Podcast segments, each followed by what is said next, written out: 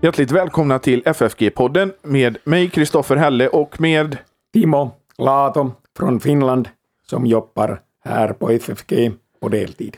Och du är här i, i Sverige nu, Timo. Ja, en längre tid, nästan tre veckor. Och vi har redan gått igenom det innan vi spelade in att du saknar inte Finland alls, utan det är Sverige som gäller nu för dig.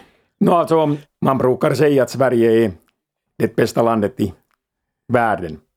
Så att om man är här, varför skulle man sakna då andra länder? Ja, ja, jo det. Ja, så kan man säga. Men eh, Timo, om man vill så kan man ju ge en gåva till församlingsfakultetens och den här poddens arbete. Ja, så kan ni kära lyssnare göra. Och eh, då gör man det lättast än på Swish. Har ni Swish i Finland? Vi har vetat att vi har lyssnare i Finland. Ja, det, det finns alltså närmast Mobile Pay och, och, och, och, och sådana, men det är också möjligt att swisha. Ja. Så då kan man swisha till nummer 123 100 8457 och så märker man det med FFG Gåva eller FFG Podcast så kommer det fram. Ja. Numret finns också i avsnittsbeskrivningen av det här avsnittet och på vår hemsida ffg.se. Vad bra. Men sen är det ju också så att församlingsfakulteten fyller 30 år. Det stämmer. Varken du eller jag var ju med vid starten, men eh, ja, du, många fler år för dig, men många år för mig också nu. Ja, jag har varit alltså med sedan 99, så att sex år efter starten så kom jag med av Guds nåd. Men du vet att, visste du det Timo, att vi har ett jättebra erbjudande till poddens lyssnare? Mm. Det är att man kan få köpa tidigare jubileumsböcker för endast 30 kronor styck plus porto. Ja, det lönar sig att köpa flera nu. Ja, och är det så då kan man mejla in till info.ffg.se så eh, kan man få dem för 30 kronor styck plus porto och man skriver att man har hört det i podden. Ja, Och om man skyndar sig nu att beställa innan du åker hem så kanske man kan få ett signerat exemplar av dig, för du medverkar väl i alla tre? Ehm, ja, ja, så är det faktiskt, ja. Det stämmer. Så ska vi lägga till ett bonuserbjudande att om man skriver att man vill ha det signerat av Timo så fixar han det? Ja, det kan jag göra. Ja. Gärna. Ja. Då har vi det som bonuserbjudande, helt gratis. Absolut. Ja. Så då hör ni det kära lyssnare också, att ni har bonuserbjudande att Timo kan eh, signera boken. Bra Timo! Tack. Då är de ju värda mycket mer egentligen. Men så info.ffg.se. Och vi påminner också om fakultetens dag då när vi har vårt eh, stora 30-årsfirande här. Ja, visst. Den 11 november och det börjar klockan 13. Och det är bara till att dyka upp. Ja, och ni är alla hjärtligt välkomna. Och du ska föreläsa Timo. Jo, jag har också ett, ett föredrag och, och hela programmet kan ni alltså se, se på FFGs hemsida. Ja. Ja, Och då ska vi säga att det kommer en bokrelease också. Vi säger inte vad det är för bok, men det kommer vara en bokrelease den dagen. ja.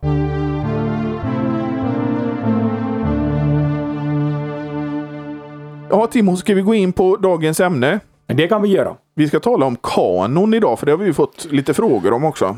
Ja, Och du är eh, lite av en expert på det skulle jag säga. no, alltså, jag har läst dessa kanoni, ka, ka, ka, kanonsböcker nästan livet ut. Det jag har lärt mig om kanon har jag i princip lärt mig av dig. Okej, att, ja. okej. Roligt att höra. Men ska vi börja med att säga, vad är kanon för någonting? Ja, kanon är alltså en samling av heliga skrifter som vi använder i kyrkan. Och kanon är alltså, låt oss säga, ett måttstock. Ett måttstock som vi kan använda för att urskilja det som är verkligt och det som inte är verkligt och det som härstammar från apostlarna, om vi nu talar om Nya testamentets kanon, eller det som härstammar från Mose och profeterna när vi talar om Gamla testamentets kanon. Och då alla andra skrifter, ja, de kan vara alltså goda skrifter, de kan vara äh, nyttiga att läsa, det kan vara sådana skrifter, men ändå inte tillhör kanon. Kanon är alltså en samling av heliga skrifter som fungerar som ett måttstock som är alltså kännetecknande för kyrkans väsen och, och kyrkans lära. Och kanon, det är det då som vi har samlat i Bibeln. Ja, Det är det kristna kanon eh, exakt. som, som sammanfattning. Så, så att um, vi har sen alltså en gemensam kanon med judarna när det gäller Gamla testamentet och sen har vi alltså Nya testamentets kanon som sen alltså är de skrifter som berättar om Jesu verksamhet, livsverk och som återger den auktoritativa apostoliska undervisningen. Och hur har då man kommit fram till vad som ska vara kanon? Det är en bra fråga. Alltså, ofta påstår man här att, att det är kyrkan som har fattat beslutet. Och det är kyrkan som har avgjort vilka skrifter som ingår i kanon. Men det här är jätteoprecist. Och det här är alltså inte motsvarar inte riktigt det som verkligen eh, hur, hur situationen såg ut i historien.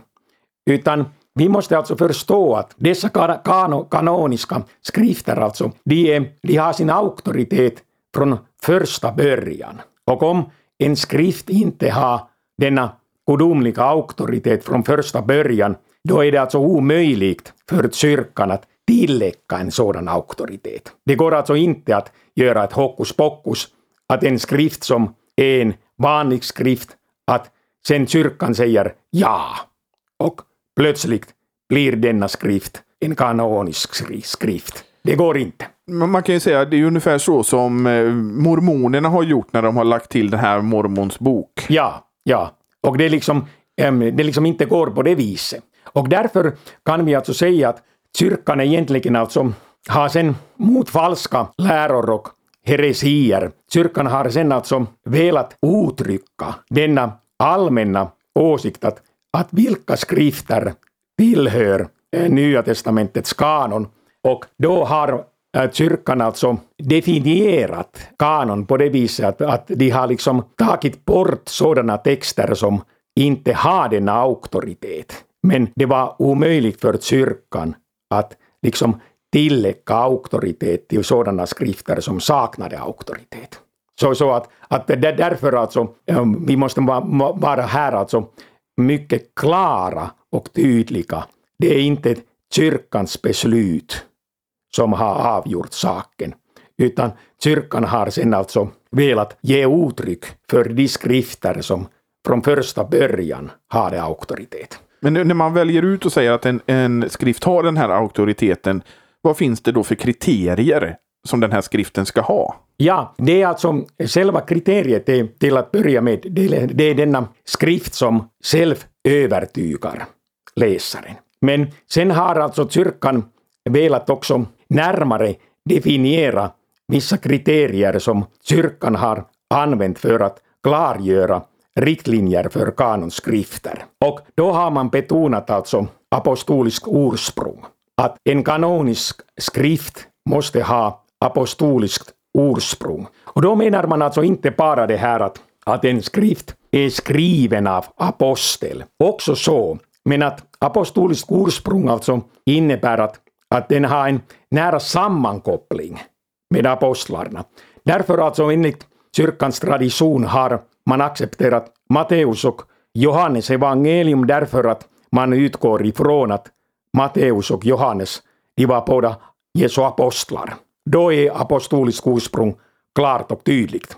Men Markus evangeliet, Markus aldrig har varit Jesu apostel, men äm, han har fungerat som Petrus tolk eller medhjälpare när han har antecknat det som Petrus har talat. Och då har vi alltså denna sammankoppling Markus och Petrus och därför Markus evangeliet har apostolisk ursprung, även om själva evangeliet inte är skrivet av Petrus. Och på samma sätt när det gäller Lukas evangeliet, alltså Lukas har sen alltså haft denna nära kontakt med Paulus, som vi vet när vi läser hans texter, både, alltså, eh, Lukas, eh, efter Lukasevangeliet har han skrivit apostlagärningarna. Och då har vi åter alltså en sammankoppling med apostolisk ursprung och därför har kyrkan alltså sagt att det är dessa fyra evangelier, Matteus, Markus, Lukas och Johannes, som har denna auktoritet som tillhör kanon.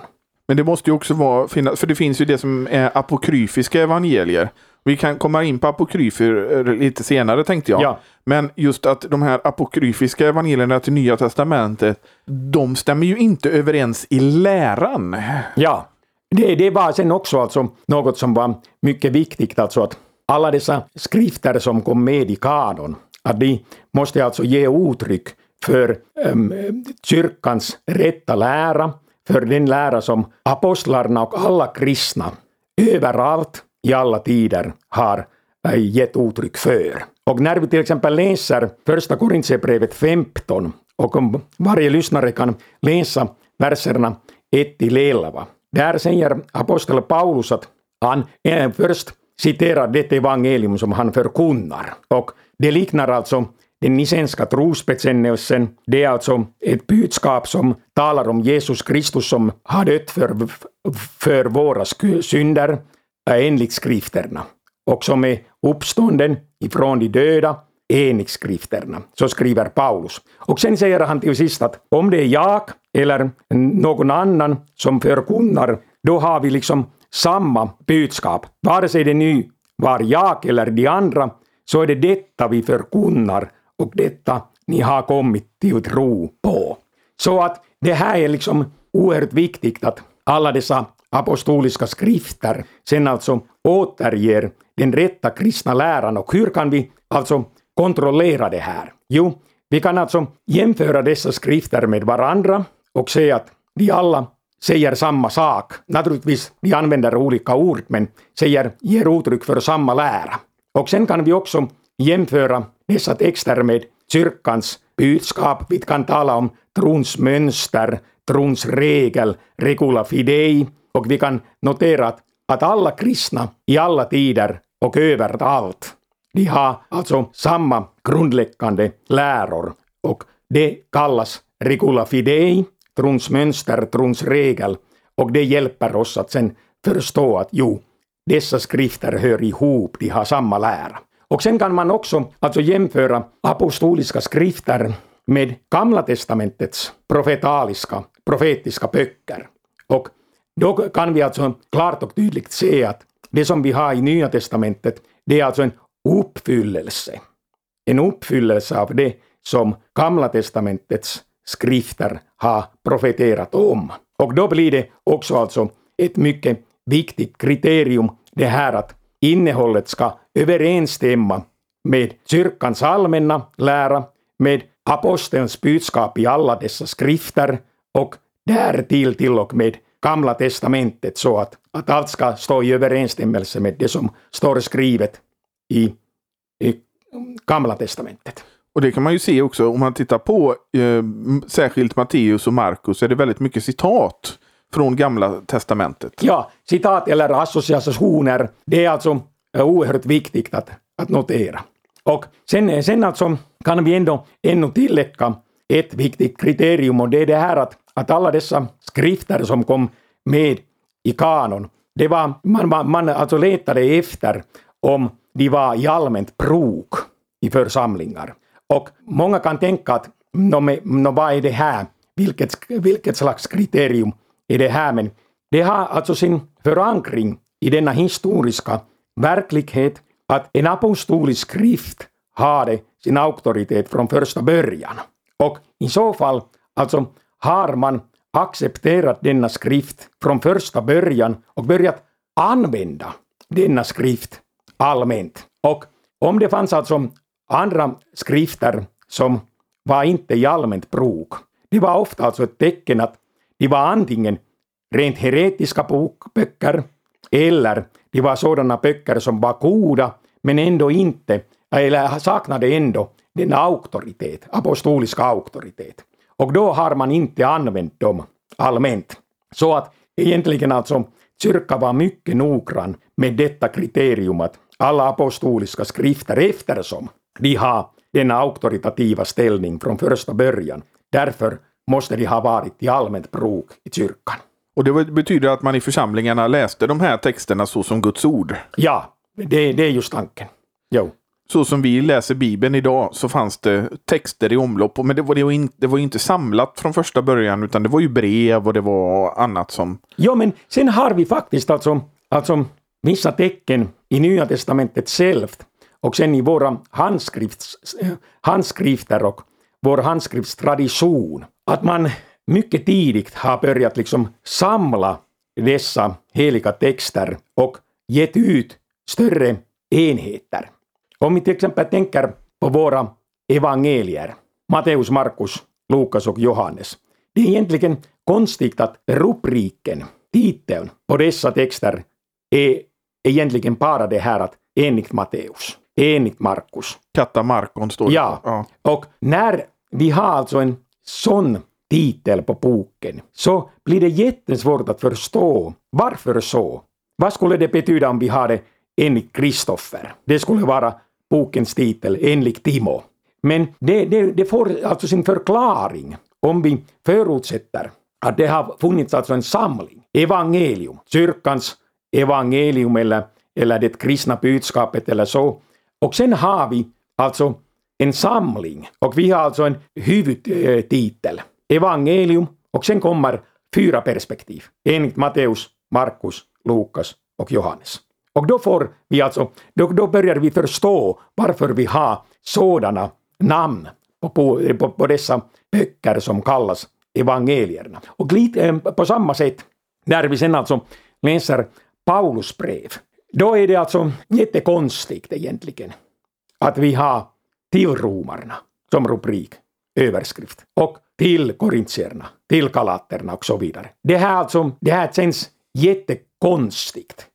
Eh, och egentligen skulle man inte ha kunnat skriva så här, inte alls. Men åter om vi förutsätter att man har samlat Paulus brev och gett ut dem eh, tillsammans, då blir det alltså förståeligt att vi har som huvudrubrik Paulus brev. Och sen har vi underrubriker till romarna, till korintierna, till galaterna och, eh, och då, det blir alltså sen alltså förståeligt. Men det är ju också att vi har ju vant oss vid de här uttrycken. Till, alltså att det heter Romarbrevet och Galatierbrevet ja. och Korintierbrevet. Det är ju någonting som vi har vant oss vid. Jo, men egentligen alltså i den grekiska texten står det inte så. Nej, nej. Utan, utan det står bara till romarna. Och sen alltså, när vi sen alltså läser Paulus brev så var Paulus från första början alltså mycket noggrann. Han skriver ofta att när ni har läst detta brev så förmedla detta brev vidare till en annan församling. Och när ni sen alltså skickar brevet vidare så kommer ni att få brevet från Laodicea. Och här sen alltså i andra Petrusbrevet, här har vi sen alltså ett tidigt bevis på det här att man har börjat samla Paulus brev. I andra Petrusbrevet skriver nämligen författaren att så har också vår älskade broder Paulus skrivit till er efter den visshet som han har fått och så gör han i alla sina brev när han talar om detta. I hans brev, alltså i pluralis, finns en del som är svårt att förstå och som okunniga och ostadiga människor förvränger till sitt eget fördärv, något som ser, också ser med de övriga skrifterna. Och här ser vi nu alltså två saker. Alltså att här måste Petrus förutsätta att man har samlat Paulus brev. Och då blir det förståeligt, som jag sa det, det här att vi har till romarna, till korintierna, det var liksom, dessa brev har utgjort alltså en del av en samling. Och sen har vi alltså här i andra Petrusbrevet ett bevis på detta. Och sen för det andra kan vi också alltså här läsa att Petrus kritiserar dessa ostadiga människor, okunniga ostadiga människor som förvränger till sitt eget fördärv Paulus brev, alltså denna brevsamling, och något som de också gör med de övriga skrifterna, det vill säga Gamla testamentets skrifter. Och här ser vi nu alltså klart och tydligt hur Paulus brev, de blev eh, samlade och sen ställs i samband med Gamla testamentets skrifter och det är liksom samma nivå att Gamla testamentets skrifter och Paulus brev har samma auktoritet. Och därför talar vi om Gamla testamentets kan kan kanoniska skrifter och sen Nya testamentets kanoniska skrifter. Men om vi, om vi går tillbaka lite till Gamla testamentet ja. så finns det ju det som heter tillägg till Gamla testamentet och det är de här gamla testamentiska apokryferna. Där hittar ja. vi Salomos vishet och Makaberböckerna 1 och 2 och, och så. Som är, det är ju ändå inte, det är inte kanon. Nej. Men det är ett tillägg.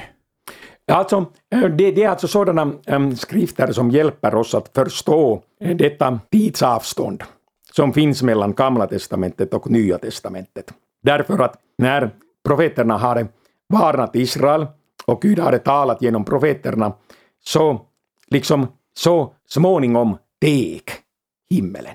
Gud sa det ingenting. Och man väntade ivrigt efter att Gud börjar tala till oss på nytt. Då har mm, judarna alltså bevarat dessa skrifter. De vittnar om den där tidepoken. Och sen när Jesus kommer och det berättas i samband med Jesu dop att himlarna öppnades och Guds röst hördes. Här är min älskade son, jag har min glädje i dig.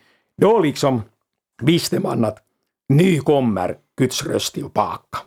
Och då säger Gud till sin son Jesus att det som du kommer att tala, det är det som jag säger. Och det var liksom startpunkten för Nya testamentet och för Nya testamentets kanon och för allt det som Jesus gjorde och apostlarna i hans fotspår. Och då har vi alltså dessa apokryfiska texter i Gamla testamentet och de tillhör alltså Septuaginta som är en grekisk översättning av Gamla testamentet.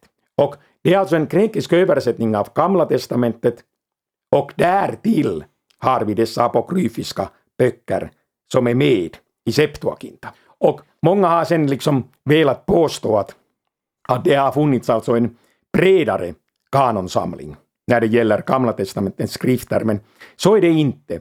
Utan även om judarna använde Septuaginta därför att de som levde i diaspora, de flesta inte kunde läsa hebreiska texter, inte mer. Då har man alltså, judarna själva har översatt Septuaginta, alltså Gamla testamentet till grekiska, och där har vi dessa apokryfiska böcker med, men judarna aldrig har uppfattat saken så att dessa apokryfiska böcker tillhör Gamla testamentets kanon, utan även om de är med i Septuaginta så utgår alla judarna ifrån att det är alltså denna hebreiska kanon som gäller. Och sen det blir intressant också att när vi sen alltså läser kyrkofäderna så kan kyrkofäderna också använda, och de ofta använder just Septuaginta, och de kan citera apokryfiska skrifter, och de kan till och med säga att det här är Guds ord, det som står skrivet i någon apokryfisk bok i Gamla testamentet. Men sen när samma kyrkofäder diskuterar kanonfråga så är de helt klara med sina påståenden att dessa apokryfiska texter inte tillhör kanon, utan det är just denna hebreiska kanon som judarna har och det är denna kanon som gäller sen också i kyrkan.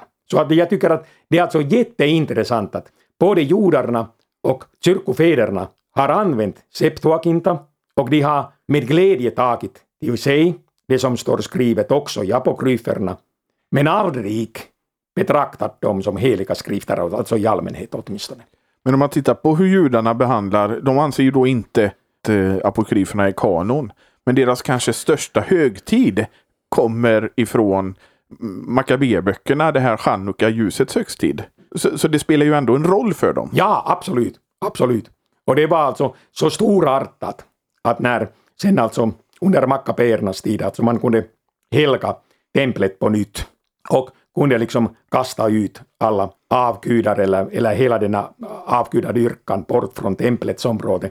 Det var, det var så storartat. Och det fungerar ju, de här apokryferna tycker jag fungerar som en väldigt bra prolegomena till Nya Testamentets evangelier och berättelsen om Jesus. Ja, det alltså gör det äm, äm, lättare för oss att förstå situationen på Jesu tid och på Paulus tid. Exakt.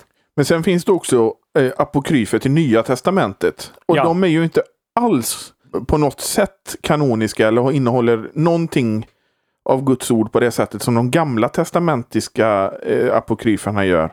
Utan det som jag skulle säga är kännetecknande för de nya testamentliga apokryferna är gnosticism. Ja, där har du rätt.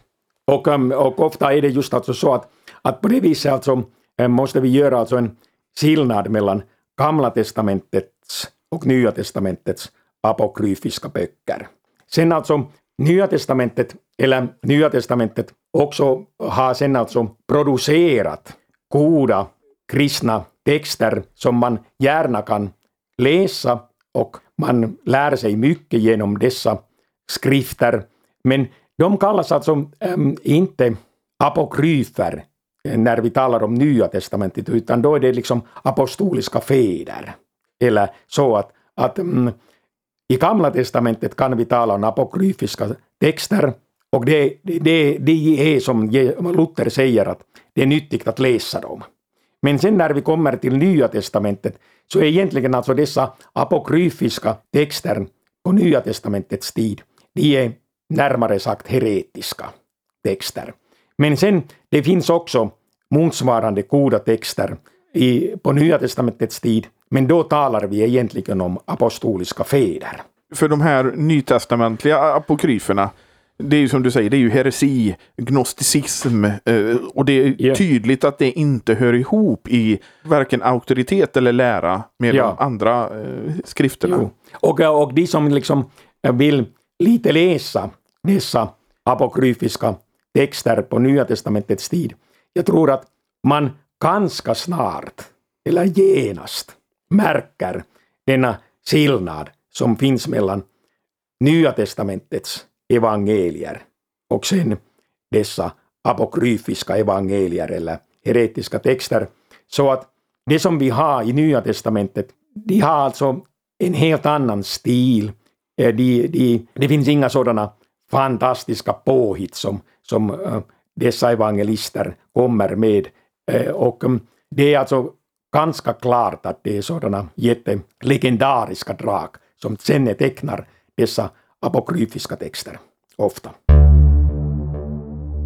Men sen finns det ju inom eh, de här eh, Nya Testamentet så finns det ju vissa böcker som är lite ifrågasatta. Ja. Och det, det, var de ju även så långt fram som på Luthers tid. Så därför kunde Luther, han kunde ju säga halmepistlar och, ja. och lite sånt. Och då tänker jag särskilt på tre böcker. Och det är Jakobs brev, det är Andra Petrusbrevet och det är Uppenbarelseboken. Ja. De tre har ju varit ifrågasatta. Ungefär så, det, det, det är sant. Och um, Luther har sen alltså fortsatt denna kanondiskussion på 1500-talet och diskuterat särskilt Uppenbarelsebokens och Jakobsbrevets plats i, i kanon. När det gäller alltså Luthers inställning till Uppenbarelseboken så var han från första början ganska kritisk till Uppenbarelseboken detta avseende eh, närmar han sig eh, särskilt grekiska kyrkofäder. Men att eh, sen senare, när reformas, reformationen gick vidare, så kom han förstå hela reformationen i ljuset av, i detta eskatologiska ljus, i ljuset av dessa sista ting. Och då började han liksom reorientera sig. Han började tänka, nej men, men uppenbarelseboken silrar på ett mycket bra sätt just det som pågår nu. Han förändrade sen sin syn eh, på ett drastiskt sätt. Han har sen alltså betraktat Uppenbarelseboken som en helig apostolisk bok. Sen när vi kommer till Luthers inställning till Jakobsbrevet så talar han om en halmepistel och han har en ganska kritisk inställning till Jakobsbrevet. Också här kan vi notera att, att han sen alltså lindrar sin åsikt och är inte så kritisk senare. Men faktum är att, att när det gäller Jakobsbrevet så har liksom Luther aldrig förändrat sin syn eh, och sitt synsätt på ett så drastiskt, drastiskt sätt som i fråga om Uppenbarelseboken. Och därför har alltså Luther behållit egentligen en, en kritisk underton när, när det gäller Jakobsbrevet. Och det som han sen gjorde, det, det var det här att, alltså att han har omplacerat Jakobsbrevet. Alltså i Fundkyrkan placerade man Jakobsbrevet i kanon, att det var det första brevet bland katolska breven, sykatolska breven. Men Luther gjorde det så att han flyttade Jakobsbrevet, dess plats i, i, i kanon, så att det, det blev, alltså, han placerade Eh, Jakobsbrevet tillsammans med Uppenbarelseboken. Och därför alltså Jakobsbrevet var inte mer det första brevet bland katolska breven, utan Luther liksom lite, eh, lite sparkade åt sida brevet. Men det som är intressant här och det som, som vi måste notera är det här att han aldrig liksom sparkade ut Jakobsbrevet från kanon. Så att han ändå har bibehållit Jakobsbrevet i kanon. Och det var, jag tycker att det var alltså ett viktigt beslut därför att nu har forskningen gått framåt. Och nu kan vi förstå Jakobsbrevets ställning mycket bättre än Luther har förstått det eh, på sin tid. Men tyckte du det var rätt av Luther att gruppera Jakobsbrevet med Uppenbarelseboken? För att gruppen Uppenbarelseboken är ju inte brevlitteratur utan det är ju eskatologisk litteratur som vi till exempel också har i Hesekiel är också eskatologiskt. Ja, ja, jag tror alltså att mm, Luther har delvis missförstått Jakobsbrevet och inte fattat um, brevets djupaste poäng. Och um, här har vi all anledning att, att um, komma vidare med Jakobsbrevets budskap och undersöka texten bättre. Luther säger att, att um, Jakobsbrevet bedriver lagförkunnelse hårt och har knappast någon förståelse för det som Kristus har åstadkommit, eller åtminstone inte säger så mycket om det. I viss mån har Luther här rätt, men å andra sidan kan vi säga att, att Jakobsbrevet alltså, vi har nu ett brev som är bevarat och som är skrivet av Jakob. Och det är fyra, fem sidor. Om detta brev har en annan funktion, om detta brev inte först och främst evangeliserar, utan tilltalar en trög församling. Då kan vi liksom börja förstå texten utifrån ett annat perspektiv. Och då kan vi förstå att detta brev ehm, innehåller, ja, inte så mycket, det som Jesus har gjort. Det finns klara och tydliga hänvisningar till det också. Så att vi kan förstå att Jakobsbrevet förutsätter hela tiden det som Kristus har gjort. Men sen själva brevet har ett så kallat parenetiskt syfte. Det vill liksom uppmana, uppmuntra de första kristna att leva i enlighet med sin mm, tro. Och parenes i det här fallet, för, för de som inte känner till det, så är det ju förmaning. Ja, det är just dessa förmaning och uppma, uppmaning, förmaningar och uppmaningar. Ja. Och Jakobsbrevet är alltså fullt av sådana förmaningar och uppmaningar. Och därför kan vi säga alltså att detta brevets, detta brevs syfte är parenetiskt. Det är alltså inte en evangeliserande text först och främst. Men då kan man också tänka på det här med att skriften ska tolka skriften, så du kan inte liksom isolera ett brev och säga Nej. att det, det, det är fel, utan du måste tolka skriften med skriften ja. och inte liksom isolera någonting ja. som jag kan tänka mig andras Petrusbrevet när de säger att de har missförstått Paulus. Och det är oftast då när man isolerar enskilda verser ja. eller stycken och så kör man sin egen linje stenhårt på det. Just det. Och um, här tror jag att vi har alltså all anledning att komplettera lite Luthers syn. Det var ju inte så att Luther tog de här påståendena ur luften. Nej, det, det här är alltså en gammal diskussion som Luther har sen alltså fortsatt. Inget nytt under solen. Det, det är det som stämmer.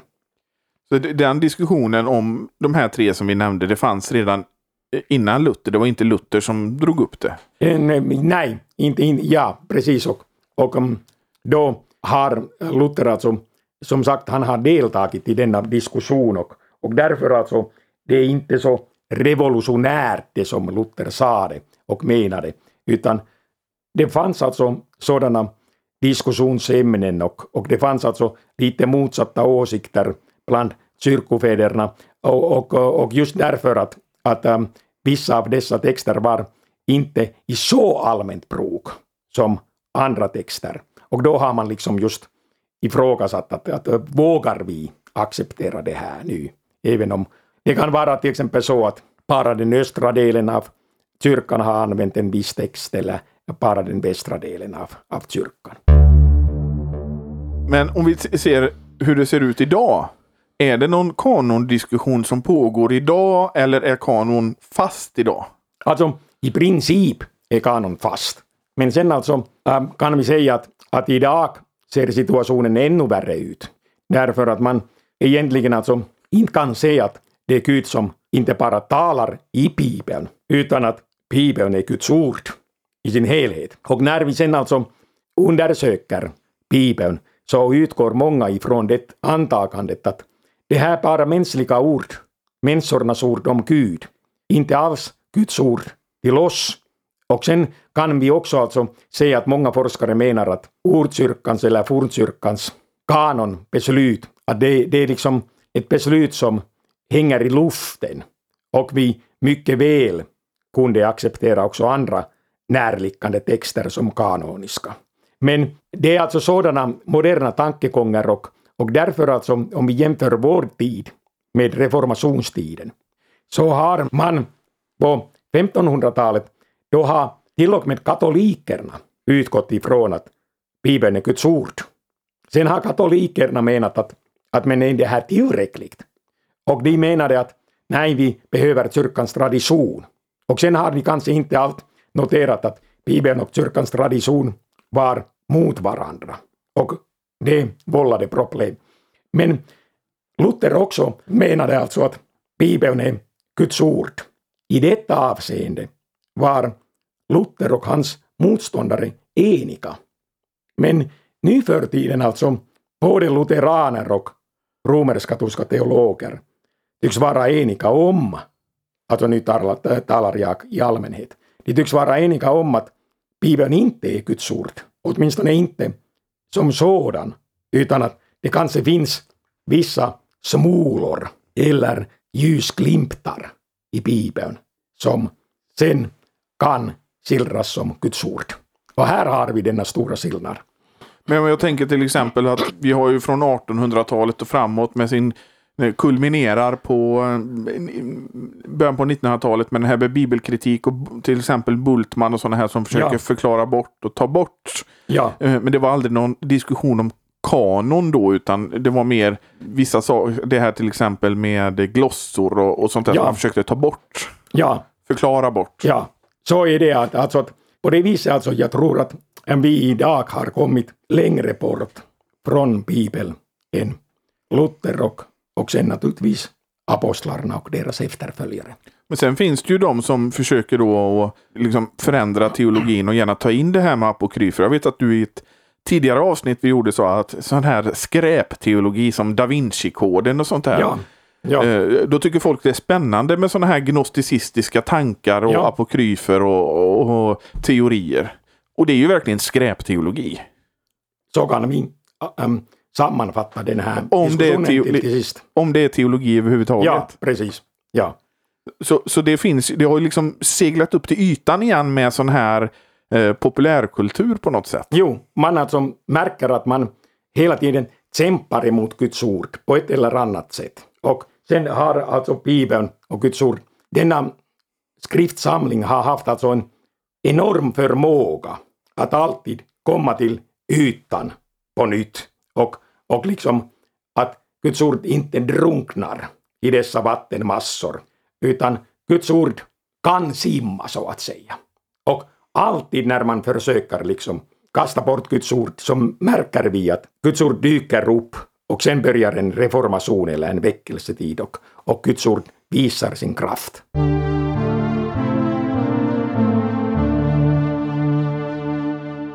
Det får bli våran avslutning Timo. Ja, det är en bra avslutning. Tack för att du har varit med. Tack så mycket. Och vi ska påminna våra lyssnare om eh, att vi har fakultetens dag med 30-årsfirande eh, här den 11 november. Ja. Och då kommer du att tala kring någonting också kanske? Ja, det är meningen. Så att välkommen då. Eh, och då har vi också en hemlig bokrelease. Precis. Sen har vi bokerbjudande. De tidigare jubileumsskrifterna 10, 20 och 25. Ja för 30 kronor styck. Det är billigt. Ja. Det är mycket billigt. Och så skickar man ett mail till info.ffg.se och säger att man vill köpa de här för 30 kronor styck plus porto och att man har hört det i podden så får man dem för det fenomenala priset. Och om du skyndar dig och säger att du vill ha dem signerade av Timo här så gör han det också. Ja, visst. Ja. ja. Och vill man ge en gåva så kan man göra det. Hur gör man det då Timo? då kan man swissa. Ja. Och swissnumret äh, nummer är 123 100 8457. Precis. Och så märker man det med FFG Podcast eller FFG Gåva. Och stora som små bidrag tages tacksamt emot. För vår verksamhet här bygger ju på det, Timo. Ja, och um, be gärna för FFG. Det är alltså era böner som gör skillnad. Och um, vi behöver Guds välsignelse och det får vi genom våra egna och genom era böner. Så att jag vädjar om också det här att, att be för oss och kom ihåg oss uh, på alla möjliga sätt. Bra. Tack så mycket Timo. Tack. Och eh, vi säger till våra lyssnare att vi hörs igen nästa vecka. Ja. Hej.